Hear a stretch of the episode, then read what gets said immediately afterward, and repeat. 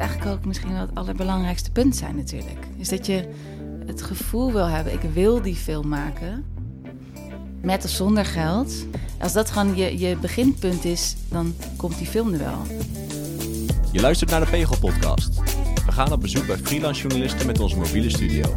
We vragen hoe freelancers ruimte maken voor journalistiek die ze echt belangrijk vinden.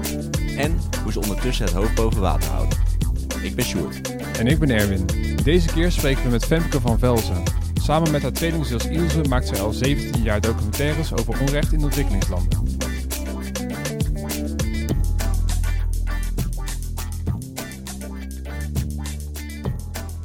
Femke, waar zitten we nu? Uh, we zitten in het, uh, um, eigenlijk het uh, bolwerk van de, de Torpedo Reporters. Binnen Oranjestraat, nummer 17. Um, we zitten hier eigenlijk met een hele groep journalisten. Um, en dan wij, dus wij als documentaire productiebedrijfje. Want jullie zijn geen journalisten? Nou, ja, een onderscheid? Het, nou, het grappige is dat ik me eigenlijk zo nooit... Ja, we maken echt documentaires. Dat is hoe we onszelf, gewoon documentairemakers. Ja. Maar eigenlijk zijn we natuurlijk ook gewoon... We zijn ook wel gewoon journalisten, maar het is...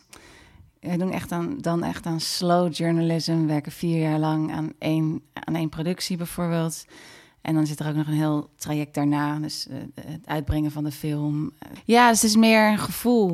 Um, ja, ik zat net ook in de trein en ik las een artikel over jou en je zus. Uh, in de Groene Amsterdammer. Je tweelingzus. Je tweelingzus, voor de, voor de inderdaad. Waarmee je de documentaires maakt. En uh, daar stond ook in dat je een, een outsider bent. Je hebt geen school voor journalistiek gedaan of iets dergelijks. Ja. Je zijn jullie eigen ding gaan doen. Ja, ja, dat merk je ook wel. Eigenlijk de, we hebben sociale, culturele, maatschappelijke vorming gestudeerd. Mhm. En eigenlijk zijn we een beetje in het documentaire vak gerold, omdat we voor ons laatste jaar geen zin hadden om een uh, scriptie te schrijven. En dit was in 2001 begon dat een beetje. Dus in 2002 zijn we afgestudeerd uiteindelijk. En ja, we zijn echt best wel doeners, praktisch. Ik had al een jaar in Zuid-Afrika gewoond en gewerkt. En wilde eigenlijk heel graag weer terug. Geen zin om een script te schrijven.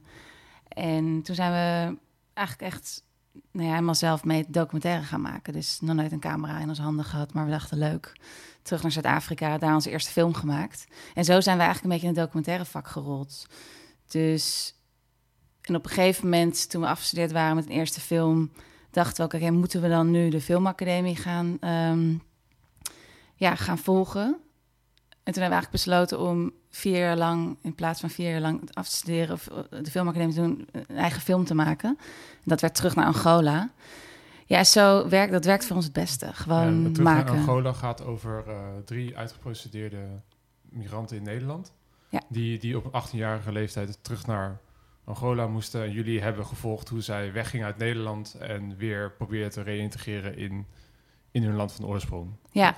ja. Ja, het kwam een beetje zo. We waren. Ehm, nou, we zijn voor ons afstuderen. Wilden dus geen scriptie, zijn we een, een film gemaakt. Dat heette, die film heette Bush Kids. En dat was gewoon een heel leuk eerste verhaal in Zuid-Afrika. Het was helemaal niet de intentie om daarna documentairemaker te worden of daarin verder te gaan.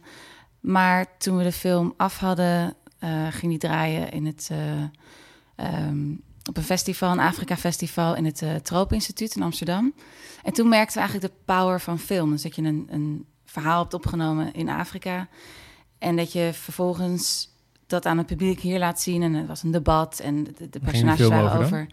Het, was, uh, het ging over een radiostation in Kaapstad. Die echt een community uh, uh, radiostation. Die vooral voor de bevolking in de, in de krottenwijken radio maakte. En wij volgden daar het kinderprogramma. Dus we volgden een meisje uit het kinderprogramma en een jongen uit het tienerprogramma. Wat radio eigenlijk voor hun betekende. Dus ze, ze kwamen dan vanuit Kajalicha of Guguletu, kwamen ze dan naar um, uh, Woodstock. Daar was het radiostation. En ja, wat, wat dat eigenlijk met hun deed en, en uh, met andere leeftijdsgenootjes radio maken en over bepaalde um, uh, ja, sociale issues praten met elkaar. En dat is eigenlijk waar de film over ging. En uiteindelijk gingen we, um, nou ging die film in première dan. En dan voel je eigenlijk hoe, ja, hoe het publiek erop reageert. En dat, een, dat je eigenlijk een verhaal van daar hier best wel veel kan. En, en dat je daar ook wel weer een heel deel van bewustwording van...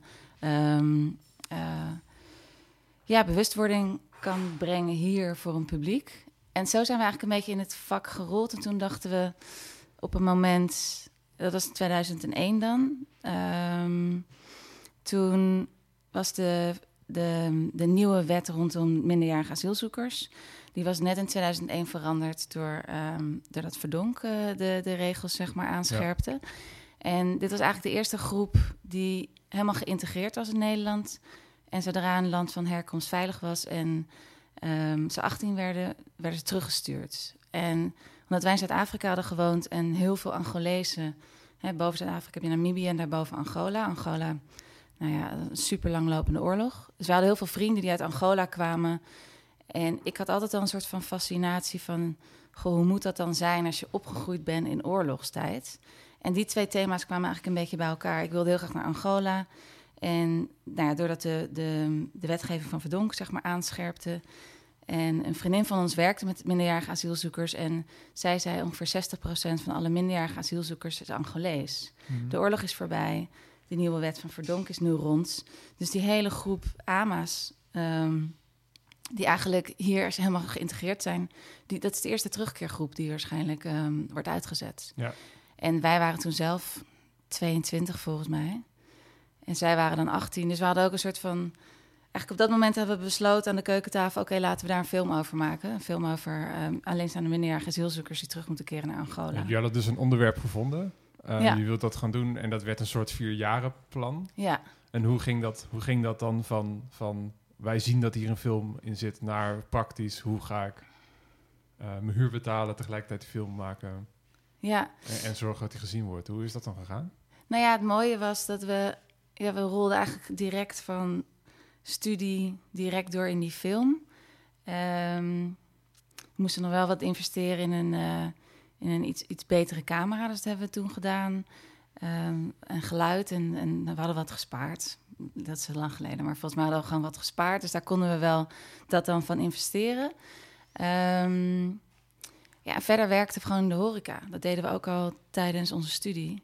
Dus dat trokken we gewoon door. Mhm. En we kregen ook wel, eigenlijk zelfs al na onze eerste, na die première zeg maar, van die afstudeerfilm, uh, Bush Kids, kregen we ook al van wat mensen opdrachtfilmpjes. Dus we deden eigenlijk een soort combinatie van opdrachtfilmpjes, werk in de horeca. En dan was eigenlijk de documentaire maken een investering daar kregen we niet voor betaald. Ja, opdrachtfilmpjes, waar moet ik dan aan denken? Is dat voor bedrijven? Of voor, ja, uh, ja, voor organisaties begonnen we eerst een beetje. En een vriendin die werkte dan voor een organisatie. En die zei dan, goh, wil je niet een filmpje maken? deden we echt heel low budget altijd. Um, veel te erg onder de prijs, maar dat maakt niet uit. Toen vonden we dat al heel wat. Ja, ja, precies. um, maar op die manier werkte we eigenlijk... Ja, dat werkte wel. En, mm. en dat hebben we eigenlijk een x-aantal jaar op die manier voort, voortgezet. Dus en... Um, filmpjes maken, dus wat meer commerciële filmpjes maken. Um, en dan niet, niet echt voor op televisie, het is dan meer intranet, dus veel meer voor intern gebruik, voor organisaties. Ja, bedrijfsvideo's inderdaad. En dan een combinatie werk en horeca. En, en op die manier konden we prima onze low-budget huur betalen en zo. Hmm. Ja, en hoe, hoe, lag die verhouding dan? Hoeveel, hoeveel tijd had je nog over voor die documentaire? Wel veel, uh, want we werkten uiteindelijk allebei bij Café Restaurant Amsterdam. En die waren heel flexibel. Dus ja, volgens mij werkten we dan bijvoorbeeld de hele zondag. En dan hadden we dubbele shifts. En in de avonduren. Dus je houdt eigenlijk best wel veel, nee, echt wel veel tijd over. Plus, terug naar Angola speelde zich natuurlijk af in Nederland. Of een heel deel in Nederland en uiteindelijk een heel deel in Angola. Ja, en verder, kijk, in principe is het heel veel tijd die je erin stopt. Dus we, die uh, minderjarige asielzoekers woonden wel in, um, in Rotterdam, in, in um, Alkmaar, in een Vlaardingen. Dat was een beetje onze... Dus we moesten wel vaak heen en weer rijden. Maar ja, het is dan... Eigenlijk investeer je gewoon in een documentaire... is ook gewoon heel veel tijd. Als je zelf je apparatuur hebt, dan is dat wat je investeert. Maar hetzelfde als je een studie volgt. Investeer, ja, je moet toch ergens in investeren... als je ergens door, in door wil groeien. Ja. Dus wij zagen dat nooit wel zo'n probleem. En het was heel interessant. Ja, ja. Want jullie zijn, zijn die, die tijd die jullie dan over hadden, of tenminste de meerderheid volgens mij van de tijd, gebruik je dan om het script te schrijven of om mensen te leren kennen? Ja, om, en een band te krijgen met mensen dat ze je vertrouwen, neem ik ook aan. Ja, ja, zeker. Nee, daar stopten we altijd sowieso. Dat, dat doen we altijd. Stoppen we heel veel tijd in. Daarom duurt het ook altijd zo lang. Uh, we zijn gewoon best wel veel jaar bezig met een film. Um, nou, het is natuurlijk tijdens je, je research... Ja, op die manier leer je natuurlijk je onderwerp goed kennen en ook je personages. Dus wat wij ook bijvoorbeeld deden, en dat is wel een, ehm, dat is wel, nou ja, misschien interessant om voor, voor degenen die luisteren, hoe je een film financiert. Wat op zich bij Terug naar Angola wel interessant was, is dat we voor je research moet je ook met heel veel instanties praten. Dus we, spraken met NIDOS, dat was dan de voogdijinstelling, en met COA. Um, nou, een x-aantal organisaties, omdat je toch informatie wil hebben over... A, omdat wij met minderjarige asielzoekers werkten... moesten we ook toestemming van de voogden hebben. Dus dan kom je heel snel bij dat soort instanties terecht. Nou, daar bouwden we eigenlijk wel een hele goede band mee op. En we, wij vroegen nooit om geld, maar langzamerhand zagen zij ook wel in dat we een hele interessante documentaire aan het maken waren. En dat we ja, heel, ja, eigenlijk een heel goed contact hadden met die uh, minderjarige asielzoekers. Ook omdat we een soort van hun vrienden waren. Omdat we zo dicht qua leeftijd nou, ook dus bij jullie konden elkaar helpen dan eigenlijk? En, en wie bedoel je? De... Nou, als jullie, jullie maakten een film over een onderwerp dat zij interessant vonden... en tegelijkertijd uh, uh, konden zij jullie hun ook helpen om beter in beeld te brengen... wat er wat er in hun ja, nou kijk, sowieso. In, ja, en, en wat waar ik eigenlijk een beetje naartoe wilde ook, is dat hoe het uiteindelijk ook is gegaan, is. Hè, we zijn in principe in eigen, eigen middelen hebben we die hele, het allergrootste gedeelte van die film gefinancierd.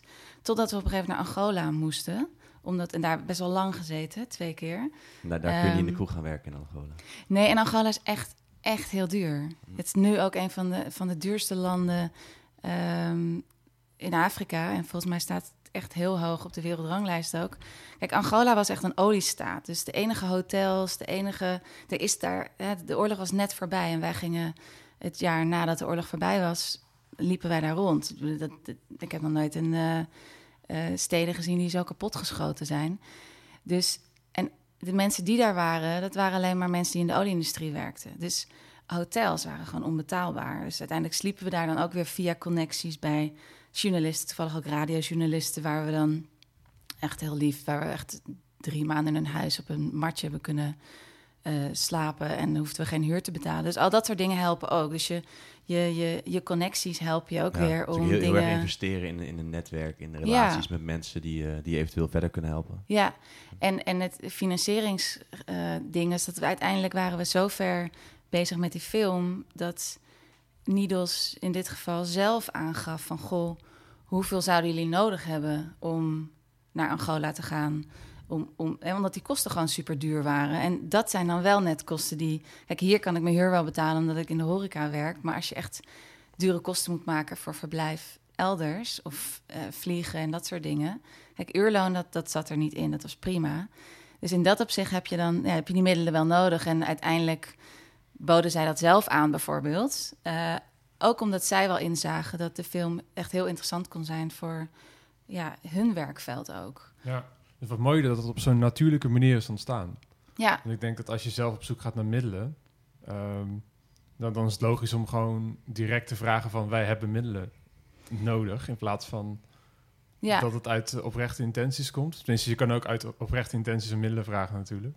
Maar dit is een heel ander soort dynamiek of zo. Die, nou, ik denk, nou ja, misschien... Die opgebouwd is. Ik weet ook niet of dat... Kijk, we, we maken nu al bijna 17 jaar documentaires. En dit is eigenlijk de, waar, waarom wij films maken... is omdat we heel erg geloven in een onderwerp. Dus dat is eigenlijk onze eerste drijfveer. En we echt het, vanaf... Ja, hebben we gewoon heel duidelijk een gevoel die film moeten we maken of, of dit verhaal moet verteld worden. En dat is eigenlijk de, de motor achter het hele verhaal. Ik vond het wel interessant wat je in het begin van dit gesprek zei. Dat je zei van we wilden eigenlijk helemaal geen documentairemaker worden. We vonden gewoon dat hier aandacht voor moest komen. Ja, dus dat, is, uh, ja, dat haakt er wel een beetje op in. Dus we hebben gewoon uiteindelijk een, een middel gevonden, denk ik, wat heel goed bij ons past ook. Dus waarin we eigenlijk heel veel kwijt kunnen. Dus het eh, je moet heel veel kunnen organiseren, daarom produceren en regisseren onze films ook zelf. Dat, soort, dat past bij ons ook heel natuurlijk. Ehm, ja, om de film neer te leggen bij een extern productiebedrijf, dat, dat past niet bij ons. Dus we zijn een soort van, we willen helemaal vanaf begin af aan een beetje onze eigen manier gevonden. We zijn natuurlijk ook met z'n tweeën. We zijn natuurlijk super goed op elkaar ingesteld omdat we mhm. tweeling zijn. Ehm, ja, en dat werkt op die manier gewoon goed. En eigenlijk de, de, echt de, de motor is de drijfveer om dat verhaal te vertellen. En wat we eigenlijk altijd hebben gehad. Want documentaire maken is niet makkelijk. En ook zeg maar, hele financieringstraject is hartstikke ingewikkeld. Ehm, maar als je eenmaal heel erg het gevoel hebt dat die film er moet komen omdat het verhaal verteld moet worden. Ja, ik denk dat dat, dat bijna een van de belangrijkste elementen is. Ja, en, en het kan soms enorm tegenzitten. En nou, terug naar Angola was ook echt alles behalve makkelijk. Maar dan is wat, zijn dan, wat zijn dan echt de moeilijkste momenten? Als je kijkt naar dat proces, je eerste. Ja, dat was vooral ook werken met de doelgroep wel. Omdat nou, er werden ook wel heel veel. Uh, nou, de, film ging dus over terugkeer. Dus we zouden mhm. een groep volgen die, die terug een keer. Op een gegeven moment hadden we een jongen die hebben we vier maanden lang echt heel erg op de voet gevolgd. En die ging niet meer terug. Dus op dat moment ja, moet je op een gegeven moment ook een keuze. Die wilde gewoon niet terug. Die zei, ik ga gewoon niet terug. Maakt niet uit, ik ga niet terug. Um, ja, dan moet je op een gegeven moment kijken, ga je dan door met zo'n persoon of ga je, ga je toch een andere, ander persoon verder met een ander personage? We hadden de drie, zo, we hadden, de, hadden er drie en toen viel hij af, hebben we een ander gevonden. Um, Heb je al een enorme soort... tijdsinvestering gedaan? Ja, maar hij was op zich prima. Het is ook weer, ja, nou, het is even zuur. En dan uh, um, uiteindelijk gaat er in onze film ook één persoon niet terug. Dus, maar het ligt er gewoon net aan. Je moet wel de juiste connectie hebben met je personages. En soms investeer je heel veel en dan dan valt er iemand af. Ja. En in Angola was het echt het aller, allermoeilijkste land waar we echt ooit hebben gewerkt. Ik weet niet of als mensen luisteren en zijn wel eens in Angola geweest en hebben daar gewerkt. Dat is echt, die, weten waar jij het over hebt. Ja, dat is echt verschrikkelijk. Dat is, daarna hebben we natuurlijk in Congo gewerkt, in Zuid-Soedan. En Angola was moeilijk. Dus daar hebben we heel veel dingen zijn we daar, liepen we daar tegenaan dat, dat dingen gewoon niet werkten. Of dat je een week lang hebt geprobeerd om vergunning te krijgen om op het vliegveld te filmen. Nou, dat lukt dan niet. Uh, laatste moment lukken meestal dingen wel. Um, en het was gewoon verschrikkelijk duur ook en heel gevaarlijk. Je zei, je zei eerder dat het niet bij jullie past om, om dingen uit handen te geven. Dus bijvoorbeeld om een uh, productiebedrijf in te schakelen. Maar waarom is dat? Willen jullie het echt helemaal, helemaal zelf doen? helemaal jullie eigen stijl? Ik denk dat we gewoon... We kunnen het zelf gewoon heel goed. Kijk, terug naar Angola bijvoorbeeld. Dat is wel een interessant voorbeeld. Wij gingen gewoon die film maken. Maar, maar we, we waren... Dat was onze eerste echte film die we dan, waar we dan voor gingen. Die andere was dan toch meer een afstudeerfilm. Dus we gingen ook... Wij stuurden ook wel netjes onze, onze synopsis in naar uh, alle omroepen. Nou, die durfden dat allemaal niet aan. Die dachten echt, wie zijn die kleine meisjes? En uh, die hebben nog nooit wat gedaan. En ze hebben geen filmacademie gedaan. Dus nou, doen we niet. Jij werkt dat zo? Ehm, nou, ik, wel zeker weten. Het gaat wel een beetje om... durf je je geld te investeren in zeg maar makers die nog helemaal geen ervaring hebben. Mhm. Als jij echt briljante exes hebt of zo, of in die tijd, je, je was bijvoorbeeld het neefje van uh, weet ik veel, Pim Fortuyn of zo, en op die manier had je exes, dan kan ik me nog voorstellen dat een omroep zou zeggen, nou interessant, maar als je nog geen, geen als je geen filmacademie hebt gedaan of HKU of ehm, een film hebt gemaakt die, die echt, zeg maar, waarvan ze kunnen zien, oh, dat is echt, uh, ja, dan gaan ze echt niet met je in zee. Of ze zullen zorgen dat ze. Maar als jij dan bijvoorbeeld wel met een, met een goede uh, producent naast je, hè, dan is er alweer meer kans. Ja, een soort kruiwagen eigenlijk. Ja. ja. Maar bij ons was dat gewoon. Nee, ja. Iedereen vond het allemaal heel interessant, kregen we terug, maar niemand durfde zijn handen eraan te branden. Maar dat was voor ons niet geen belemmering om die film niet te maken. Dus wij zijn gewoon die film gaan maken. Hmm. En dat doen we, hebben we eigenlijk, dat doen we eigenlijk continu met elke film. Um, dat lijkt me wel een hele fijne gedachte. Dat je denkt, die, die film komt er toch wel. Ja, maar dat is volgens Ja, maar dat is volgens mij ook, denk ik, als je. Dat moet eigenlijk ook misschien wel het allerbelangrijkste punt zijn, natuurlijk. Is dat je het gevoel wil hebben, ik wil die film maken. Hmm. Met of zonder geld. Ik bedoel, geld is uiteindelijk allemaal altijd nodig hoor. Maar als dat gewoon je, je beginpunt is en je voelt heel duidelijk dat dat verhaal verteld moet worden, dan komt die film er wel. Ja, heel veel makers voelen zich afhankelijk van, van externe partijen. Die zullen zeggen van, nou, als ik dit niet krijg, dan, dan niet of zo. Dan ga ik wel iets anders doen. Maar jullie bijten je zo vast in, in de wil om zo'n film te maken. Ja. ja, we durven ook best wel risico's te nemen. En, en ja, het is ook hoe we zijn gestart natuurlijk. Mm maar naarmate we meer films hebben gemaakt en het wordt er altijd, ja, je hebt gewoon continu, we zijn nu bezig met een film en dan is het ook weer echt struggelen en ook weer heel veel gedoe om die financiering rond te krijgen. Ja. Maar als je volhoudt, die financiering komt altijd rond, want er is genoeg Word je daar wel beter in? Want als ik ook met de schuiner aan de posters hier kijk, dan zie ik jullie, jullie films staan, staan van oud naar nieuw, volgens mij. Ja. En dan zie ik bij de, de nieuwste film veel meer logo's van, van partijen eronder staan dan bij de, bij de linkerfilm. Ja, nou, hoe, hoe word je steeds beter in het aanvragen van fondsen? Of krijg je een groter netwerk? Of nou, zien ze je nu wel als een volwassen iemand die volwassen films maakt? Hoe, nou, als je, het, is vooral denk ik interessant als je naar de logo's kijkt, hm. zijn die veranderd. Dus wij hebben wel een heel. En, en misschien toen we begonnen, waren we vrijer in het maken van documentaires op het gebied van ehm, ja, je film maken dan nu, voor mijn gevoel. Dus af en mhm. toe kijken we nog wel met heimwee terug naar toen. En het heeft meer te maken in het begin terug naar Angola, maar ook Fighting a Silence, Weapon of War en Justice for Sale. Het zijn eigenlijk vier Ehm, lange documentaires die zijn gefinancierd zonder omroep. En in Nederland is een soort van een documentaire maken zonder omroep is bijna dat dat gebeurt gewoon bijna niet. En waarom niet? Uh, ja, omdat heel veel financiering um, via de omroep gaat. Gaat via de omroep. Dus als je een omroep aan boord hebt en het wordt dan een co-productie, dan kan je Kobo aanvragen. voor het filmfonds is het niet nodig, maar voor het filmfonds is het wel nodig om een soort van track record te hebben. Mhm. Eh, of dan merk je wel dat dat eh, meer werkt. Er zijn ook wel wat fondsen, nou, dan moet je zoveel films voor hebben gemaakt. En dan kan je er pas voor aanvragen, bijvoorbeeld de incentive of um, het NPO-fonds, het mediafonds, al dat soort fondsen. Dan merk je. Maar bij heel veel fondsen heb je gewoon een omroep nodig. En in het begin hadden wij geen omroep. Of al onze films zijn uitgezonden hoor, door, door de ICON. Um, maar die hebben eigenlijk altijd de film aangekocht na afloop. Hm. En ja, omdat zij ja, dan toch niet direct wilden instappen, na terug naar Angola, uh, om daar nog even terug te komen. We hadden die film dus in principe bijna helemaal gedraaid. Um, en toen Icon was eigenlijk de enige vanaf, dat, van, vanaf het begin die wel geïnteresseerd waren van uh, we zien hier wel potentie, maar we, we vinden het ook wel heel spannend. Uh. Ja, kom maar terug als die af is ja, een ja, een beetje. We werden een beetje van, uh, kom maar terug. En dan uh, gingen we weer, zeiden we, oké, prima, we gaan gewoon weer draaien, we gaan gewoon weer verder. En uiteindelijk wilden zij een soort driehoeksconstructie. Dus ze zeiden, nou prima, um, kies dan een producent uit. Dat werd Selfmade Films, Niek Koppen. En, en dan koppelen, ga daar maar eens mee praten. Maar Niek zei tegen ons, ja, wat moet ik nou nog doen voor jullie? Jullie hebben de hele film al geproduceerd. Dus hm. ga maar lekker. We stonden toen op het punt om voor de tweede keer vijf weken naar Angola te gaan. Ga maar draaien. En, um, nou, dus toen we terugkwamen, moesten, nou, moesten weer, gingen weer met Icon onder tafel zitten. En die zeiden eigenlijk, nou, dan, dan, dan ja, toch met Niek. En dan zetten we een hele ervaren editor op. Dat was Daniel Daniel. Um, nou, en dan, dan, dan durven we het wel aan. Dus... Wat gek dat er heel erg in die hokjes wordt gedacht. In, in een producent en een editor. maar dat is een beetje de standaard. Dat is echt een beetje de standaard in Nederland. Dus, um... maar dat slaat dus de creativiteit ook dood soms. Dus of de vrijheid om een film te. Nou ja, ik denk dat, dat ja, in Nederland heb je wel. Het is gewoon heel. Je hebt de producent, productiehuis en je hebt de maker en je hebt de omroep. En dat is eigenlijk het cirkeltje waar, ehm, ehm, waar de meeste films, hoe de meeste films worden geproduceerd.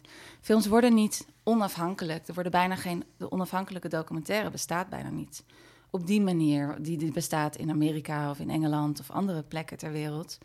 En het komt ook gewoon heel erg door het financieringssysteem. Dus je hebt in, in, in Nederland gaat dus heel veel geld zit rondom die omroep. Dus de omroep, als je de omroep hebt, kan je aanvragen bij Kobo of kan je aanvragen bij NPO als je geen omroep hebt, kan je daar al niet aanvragen. Ja. En, en zo werkt het zichzelf ook allemaal een beetje in stand. Maar wat wij deden met die eerste films, ja, dat was eigenlijk op dezelfde manier. Um, um, oh ja, en terug naar Angola is uiteindelijk is Icon wel ingestapt. Mhm. Ook een beetje omdat Daniel Daniel die zou dan een week met ons uh, gaan monteren. En dan zou hij uh, een soort van uh, verslag uitbrengen over een film in zat. Ik weet nog heel goed dat we... Jeetje, dat, dat klinkt echt wel een beetje... Ja. Een beetje belerend of zo. Ja, dan, nee, heb je die ja. hele, dan heb je die hele film gemaakt. Heb je al die, al die moeite gedaan. Al die mensen leren kennen. En dan komt en iemand even kijken of er een film in zit. Nou, het mooie was van Daniel Daniel... Um, uh, is dat hij zei, die zat eigenlijk... Want hij zei, oké, hoeveel uur materiaal hebben jullie? Zeiden iets, ja, volgens mij, volgens mij hadden we iets van 110 of 125 uur materiaal. Toen zei hij, ja, daar hoef ik geen week voor te monteren dat kan ik nu al zeggen, daar zit een film in. dus nou, we gingen uiteindelijk gingen we wel door die week. Hij was ook gewoon betaald door Icon om dan die week zeg maar te monteren. Nou ja, en, en, maar dat was eigenlijk een beetje het, dat is een beetje het verhaal. Dus je zoveel uren hebt gedraaid. We hadden die hele, we hadden er nou ja, vier jaar aan gewerkt. We hadden al het materiaal gedraaid. Dus dat gewoon een hele goede film in. En um, ik was er ook echt super blij mee. Ja. Um, En hij is laatst ook toen met de kwestie Mauro. Mm -hmm. toen is hij weer uitgezonden okay. um, na, nou ja, na x aantal jaar. En nou ja, erg genoeg is dat het verhaal eigenlijk nog steeds gewoon staat als een huis. Er is heel weinig veranderd. Ja. Um, maar het mooie is, en, nou ja, daarna dachten we, oké, top, we hebben Nederlandse televisie bereikt. Toen dachten we dat we ongeveer alles hadden bereikt wat we wilden bereiken. En dat het Um, makkelijker werd misschien ook. Ja, we dachten wel, oh nou, de volgende film. En toen rolden we, nou ja, via, via eigenlijk het, die journalisten bij wie we logeerden in, um, in Angola, rolden we in de, de, de, de volgende film een beetje, de problematiek rondom seksueel geweld in Congo. Um, daar was eigenlijk in, we waren in 2002 dan in, in Angola. En toen was net echt die hele gloed van, of die hele golf van uh, seksueel geweld en, en, de oorlog in Congo um, leidde toen heel erg op. Dus er waren heel veel vluchtelingen in, uh, die vluchten naar Angola. En zo hoorden we eigenlijk over de, de, die verkrachtingsverhalen. En toen we terug waren in Nederland, merkten we eigenlijk dat er ook echt totaal geen... Niemand wist daar wat van af. Um, en zo zijn we eigenlijk de eerste film gaan maken... wat uiteindelijk Fighting the Silence werd. Maar ja, wij dachten wel... oké, okay, nu, nu hoeven we... dan stuur een A4'tje naar de icon... en dan... Uh, dan ja. wel echt wel meer dan een A4'tje, maar... Ja, die waren gewoon aan het twijfelen en die, ging, die hapten gewoon niet zo snel. Toen dachten we, nou ja, dan niet. Dan gaan we die film gewoon weer zelf op onze manier maken. Dus daardoor zijn, zijn films ze... dan wel onafhankelijk? Want je zei net, bijna geen documentaires zijn onafhankelijk in Nederland... omdat financiering vaak via een omroep loopt. Nou ja, wel op die manier dat je... Um, kijk, als een, een co-productie... en iedereen zegt, heeft er dan ook een mening over. Hè? Dus mm. um, als je geld krijgt van uh, bijvoorbeeld ja, uh, andere instanties. Dus uh, nou ja, een, een filmfonds bijvoorbeeld. Die hebben ook wel hun, hun, um, hun mening, maar het is op een andere manier. Je wordt iets minder. Als ik een kookproductiecontract teken met de, de Icon, dan is het gewoon hun film, hè, deels. Dus je geeft echt wel veel van jou. Ja. Met handen. Ja, ja. ja. Nee, je kan nog steeds, het ligt ook heel, je kan nog steeds echt wel je, je film maken, maar het is niet helemaal onafhankelijk. Mm. je, je, je, rechten liggen gewoon deels bij, uh, bij de omroep. Ja. En wij hebben bijvoorbeeld onze films... Um, ja, nou, NGO's bijvoorbeeld, dus organisaties. Dus zo'n, bij Terug naar Angola, zo'n NIDOS, die dan... Uh, terug naar Angola, Fighting the Silence, Weapon of War en Justice for Sale. Daar zit ook heel veel geld in, bijvoorbeeld van verschillende NGO's. En eigenlijk wat daar gewoon heel prettig, heel prettig aan, aan werken was, is dat zij gaven geld along the way. Dus, dus we stuurden een, een voorstel in. En ook al waren we in ontwikkelingsfase of uh, mm. nou, researchfase of ietsje verder, zij gaven dan gewoon, ze zeiden van oké, okay, hier heb je 20.000 euro. En dat kregen we ook gelijk. Op, op basis van wat dan? Op basis van, van, van je script. Dus Mhm. mm. eigenlijk hetzelfde hetzelfde als, als dat je doet bij een, bij een omroep of ja. bij, een, bij een filmfonds. Of, um... En ook op basis van vertrouwen, denk ik. Tenminste, jullie kennen, hebben dan die mensen gesproken.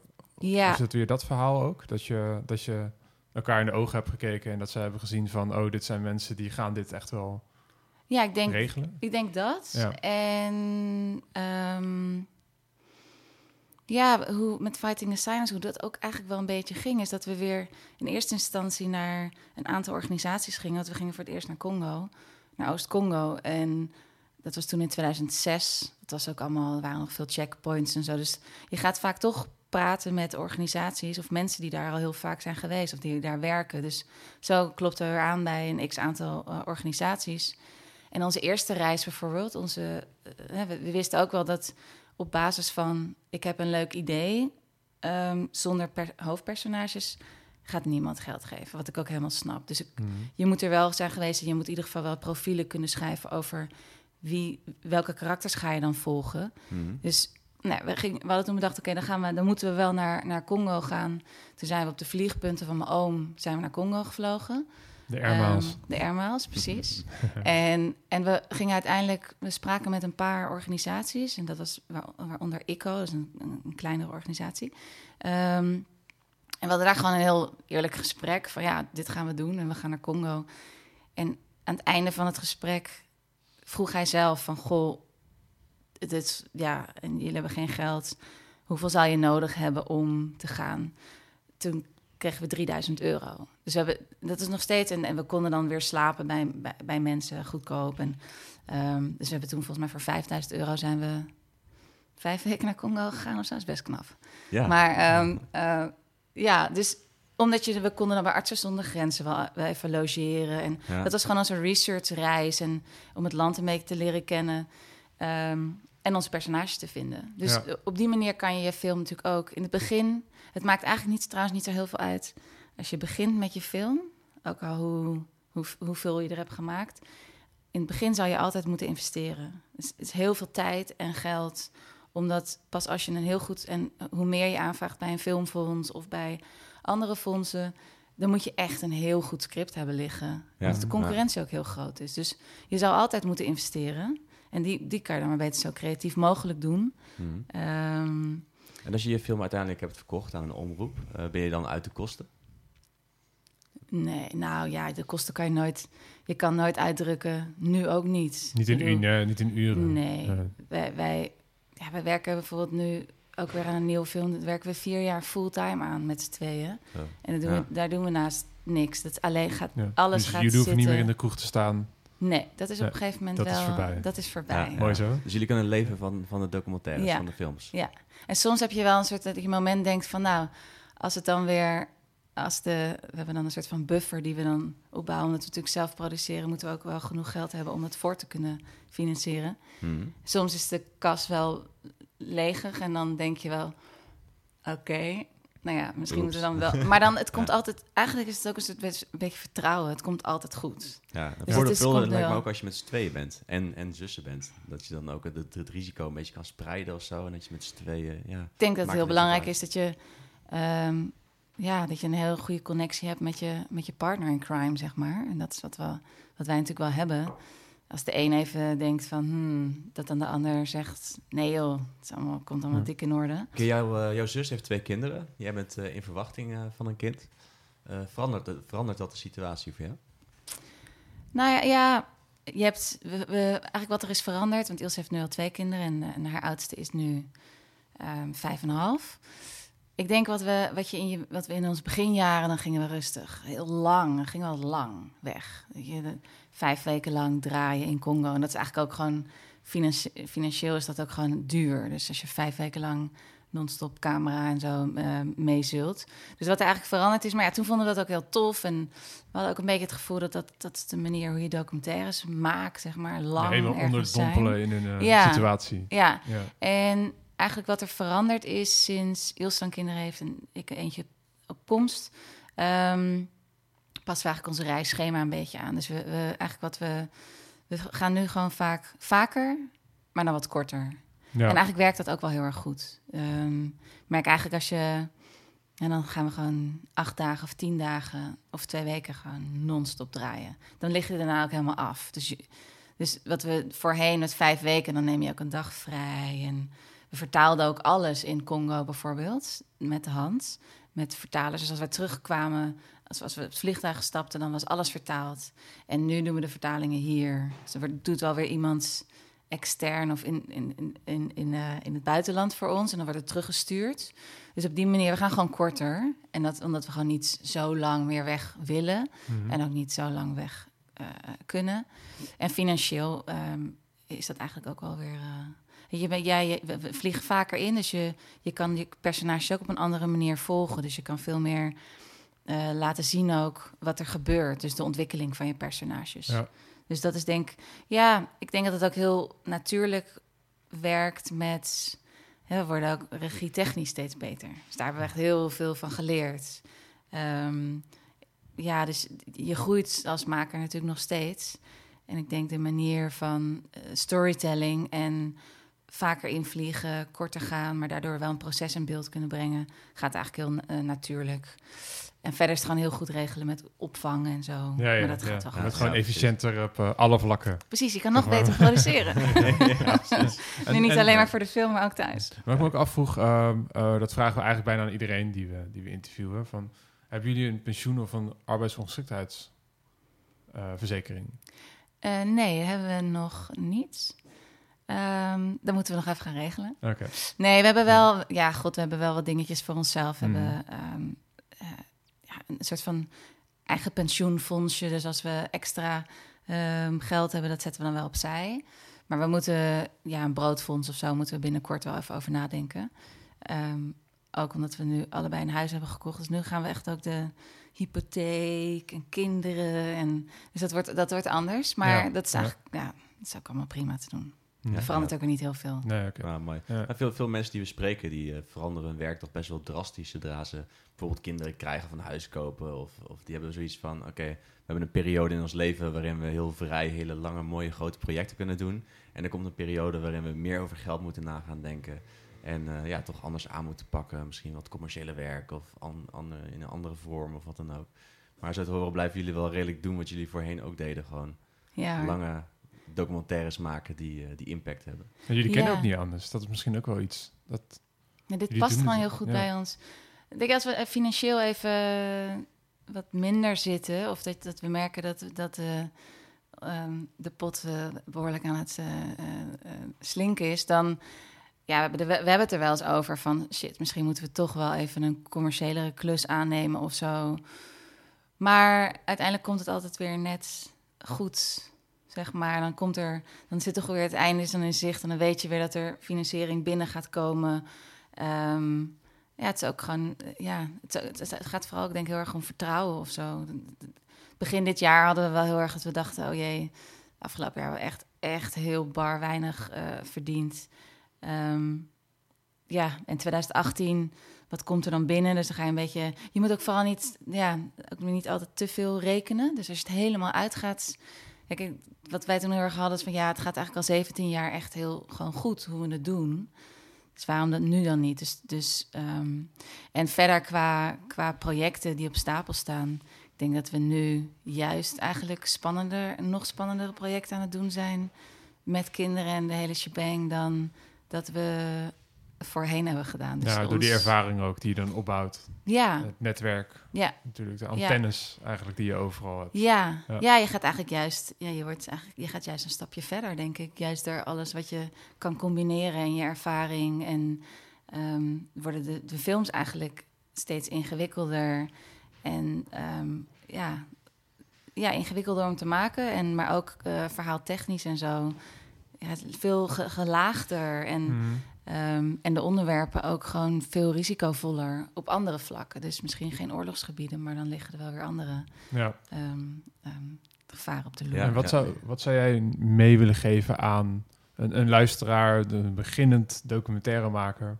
Of iemand die al wat gevorderd is natuurlijk. Wat zou jij mee willen geven? Wat, Nee, ik denk echt dat het allerbelangrijkste is, ehm, ja, is dat je gewoon een onderwerp vindt waar je hart sneller van gaat kloppen. Dus dat je, ehm, kijk, als je het gevoel hebt dat die, die bepaalde film gemaakt moet worden of dat dat verhaal verteld moet worden. Kijk, als je daar een soort van, ehm, wij hebben daar een soort van een gut feeling dan voor. Dus we, hebben vaak genoeg wel verhalen dat we denken, oh, dat is wel interessant, maar dan raakt het ons niet genoeg. En dan wordt het, wordt het het ook niet. Dus we hebben ook heus wel eens een keer dat we één of twee jaar investeren in een onderwerp. En dan merk je gewoon dat je niet genoeg gemotiveerd bent. Dus je moet volgens mij echt op zoek gaan ehm, naar een verhaal wat je echt grijpt. En dat moet de motor zijn om, om die film te maken. En dan komt het allemaal echt wel goed. Maar je moet gewoon wel, en je moet gewoon hierin vastbijten. En eh, eigenlijk gewoon een goede dosis ehm, ehm, doorzettingsvermogen ja, echt hebben. een- de lange adem is het eigenlijk, hè? Ja, Want, ja. want Ja. het is ondanks dat jullie al die films, eh, al die posters die hier staan en al die films hebben gemaakt, is het nog steeds scherp blijven, eh, dingen regelen, financiële dingen regelen. Ja. ja het, Nee, blijft, af blijft, het wordt niet per se makkelijker. Het wordt Nee. meer, meer duidelijker of zo. Zo nou, ik weet niet, het wordt echt niet makkelijker. Nee, Ik, nee. ik, af, dat zeg je op een hele grote grijns gezicht. ik Ja. heb af en toe het idee dat het... Maar ook omdat je gewoon je, je, je, je, je films worden ingewikkelder. Dus je, Ja. je, je legt de lat hoger. Mhm. En je legt de lat hoger op heel veel vlakken. Dus ehm, nou, ook, ook films zijn ook wat duurder nu. Ehm, ja, we gaan vaker. Je wilt toch een bepaald soort eh, niveau halen. Dus nee, het wordt absoluut niet makkelijker. Je en de- maakt het jezelf moeilijker. ja, maar dat is denk ik ook de uitdaging. Dus Ja. dat is ook gewoon heel, heel leuk. Maar nee, ik heb niet het idee... Soms kijken we echt een beetje met, met ehm, weemoed terug naar vroeger eigenlijk. Ah, vroeger, toen waren we zo lekker onafhankelijk. Toen deden we gewoon, maakte het allemaal niet uit. Maar je vergeet natuurlijk ook altijd alle... Je vergeet natuurlijk altijd alle de moeilijkheden, zeg maar. Dus dan lijkt het nu alsof... ah, toen deden we Ja, het ja. maar gewoon. En, en, maar toen liepen we natuurlijk ook tegen heel veel deuren en, eh, en muren aan. En, en eh, ging het niet zoals we wilden, maar dat vergeet je dan. En nu denk je dan, ja, deden we dan maar zoals vroeger, niet de, de, de, de gevestigde orde. Want we maken nu eigenlijk een film, eigenlijk gewoon echt hoe het hoort. Dus we hebben een co-productie met een omroep en we hebben nou, Kobo-fonds aan boord en het NPO-fonds aan boord en het Filmfonds aan boord. En het gaan eigenlijk de, de grote Ja. eh, spelers. Ja, en, en daar zitten ook gewoon ook weer een heleboel kanten aan die, die je belemmeren, bijvoorbeeld in het maken. Dus wat vroeger zo fijn was in alles out of the box denkend en dan het, zo, het maken van je film, lekker rebels op je eigen manier en ook de financiering op je eigen manier, waren we eigenlijk heel erg vrij. Hm. Ja. Dus toen kregen we gewoon geld bijvoorbeeld. hè, de, de- de bedragen waren dan kleiner, maar kregen bijvoorbeeld geld, 20.000 euro van, eh, van zeg Novib of een ander, ander fonds. Of, en dan dat kreeg je gewoon, maar je, daar, je, je, je budget hoefde niet helemaal afgetikt te zijn. Nu, ehm, met zeg maar de andere fondsen, zeg maar meer de filmfondsen, moet je hele budget afgetikt zijn voordat je mag gaan draaien. Ah. Dat is voor ons echt een, dat, dat, dat is een hele grote struggle. Ja. Want zo werken wij niet. Wij werken Jullie gewoon. aan de slag. Ja, je gaat aan de slag en je gaat gewoon draaien. En van het ene, eh, de ene draaiperiode kom je weer wat verder. En dat is gewoon hoe we werken. Dus dat was voor ons, denk ik, de grootste belemmering. De afgelopen eh eh, film waar we nu aan werken, is dat, dat het echt zo. Ja, dat je af en toe heel erg voelt dat je wordt teruggehouden. Ja. Ja. Je zei voor de, voor de opname al dat je nog niet heel veel kan zeggen over de film waar jullie nu mee bezig zijn. Kun je, kun je een tipje van de sluier oplichten? Ehm, ja, nou, we zijn bezig met een film in Zuid-Afrika. Ehm, het gaat over een hele grote ehm, private gevangenis. eh, en meer kan ik er niet over zeggen. Maar is- hij, het duurt nog even. We zijn nu eh, iets van 2,5 jaar bezig. En het Ja. duurt denk ik nog eh, anderhalf jaar. Maar het belooft een hele, hele indrukwekkende film te worden. Ja, nou, we zijn heel benieuwd. Het lijkt me een mooie afsluiter voor, eh, voor deze podcast. Eh, of heb jij nog vragen, Erwin? Nee. Nee? Nee. nee. Nou ja, Ik, eh, Femke, hartstikke bedankt dat we langs mochten komen op je werkplek eh, in Amsterdam. ja, heel erg bedankt. Graag gedaan. Je luisterde naar de Pegel Podcast. Deze podcast wordt mogelijk gemaakt door het Lira Auteursfonds Reprorecht. Ben of ken jij een freelance journalist met een goed verhaal? Stuur een mailtje naar pegel.vilamedia.nl. Bedankt voor het luisteren en tot de volgende aflevering.